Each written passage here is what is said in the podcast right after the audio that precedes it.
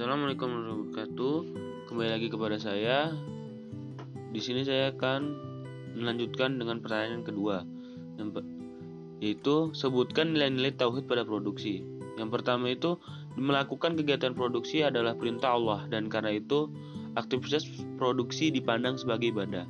Yang kedua, berproduksi bagi seorang muslim merupakan ak aktualisasi keberadaan dirinya sebagai khalifah Allah di muka bumi yang bertugas memakmurkan bumi dengan ilmu dan amalnya.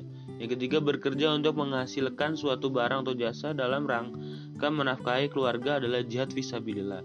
Yang keempat, kemampuan manusia berproduksi sehingga mampu menikmati hasil hasil produksi dan mendapatkan harta karena berproduksi merupakan nikmat harus disyukuri kepada Allah.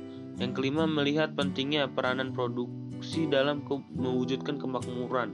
Maka Al-Quran dan Sunnah memerintahkan manusia untuk bekerja keras dalam mencari penghidupannya guna memenuhi kebutuhan hidupnya.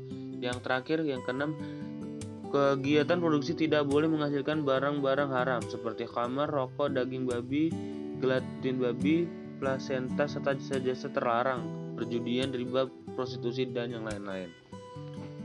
Assalamualaikum warahmatullahi wabarakatuh.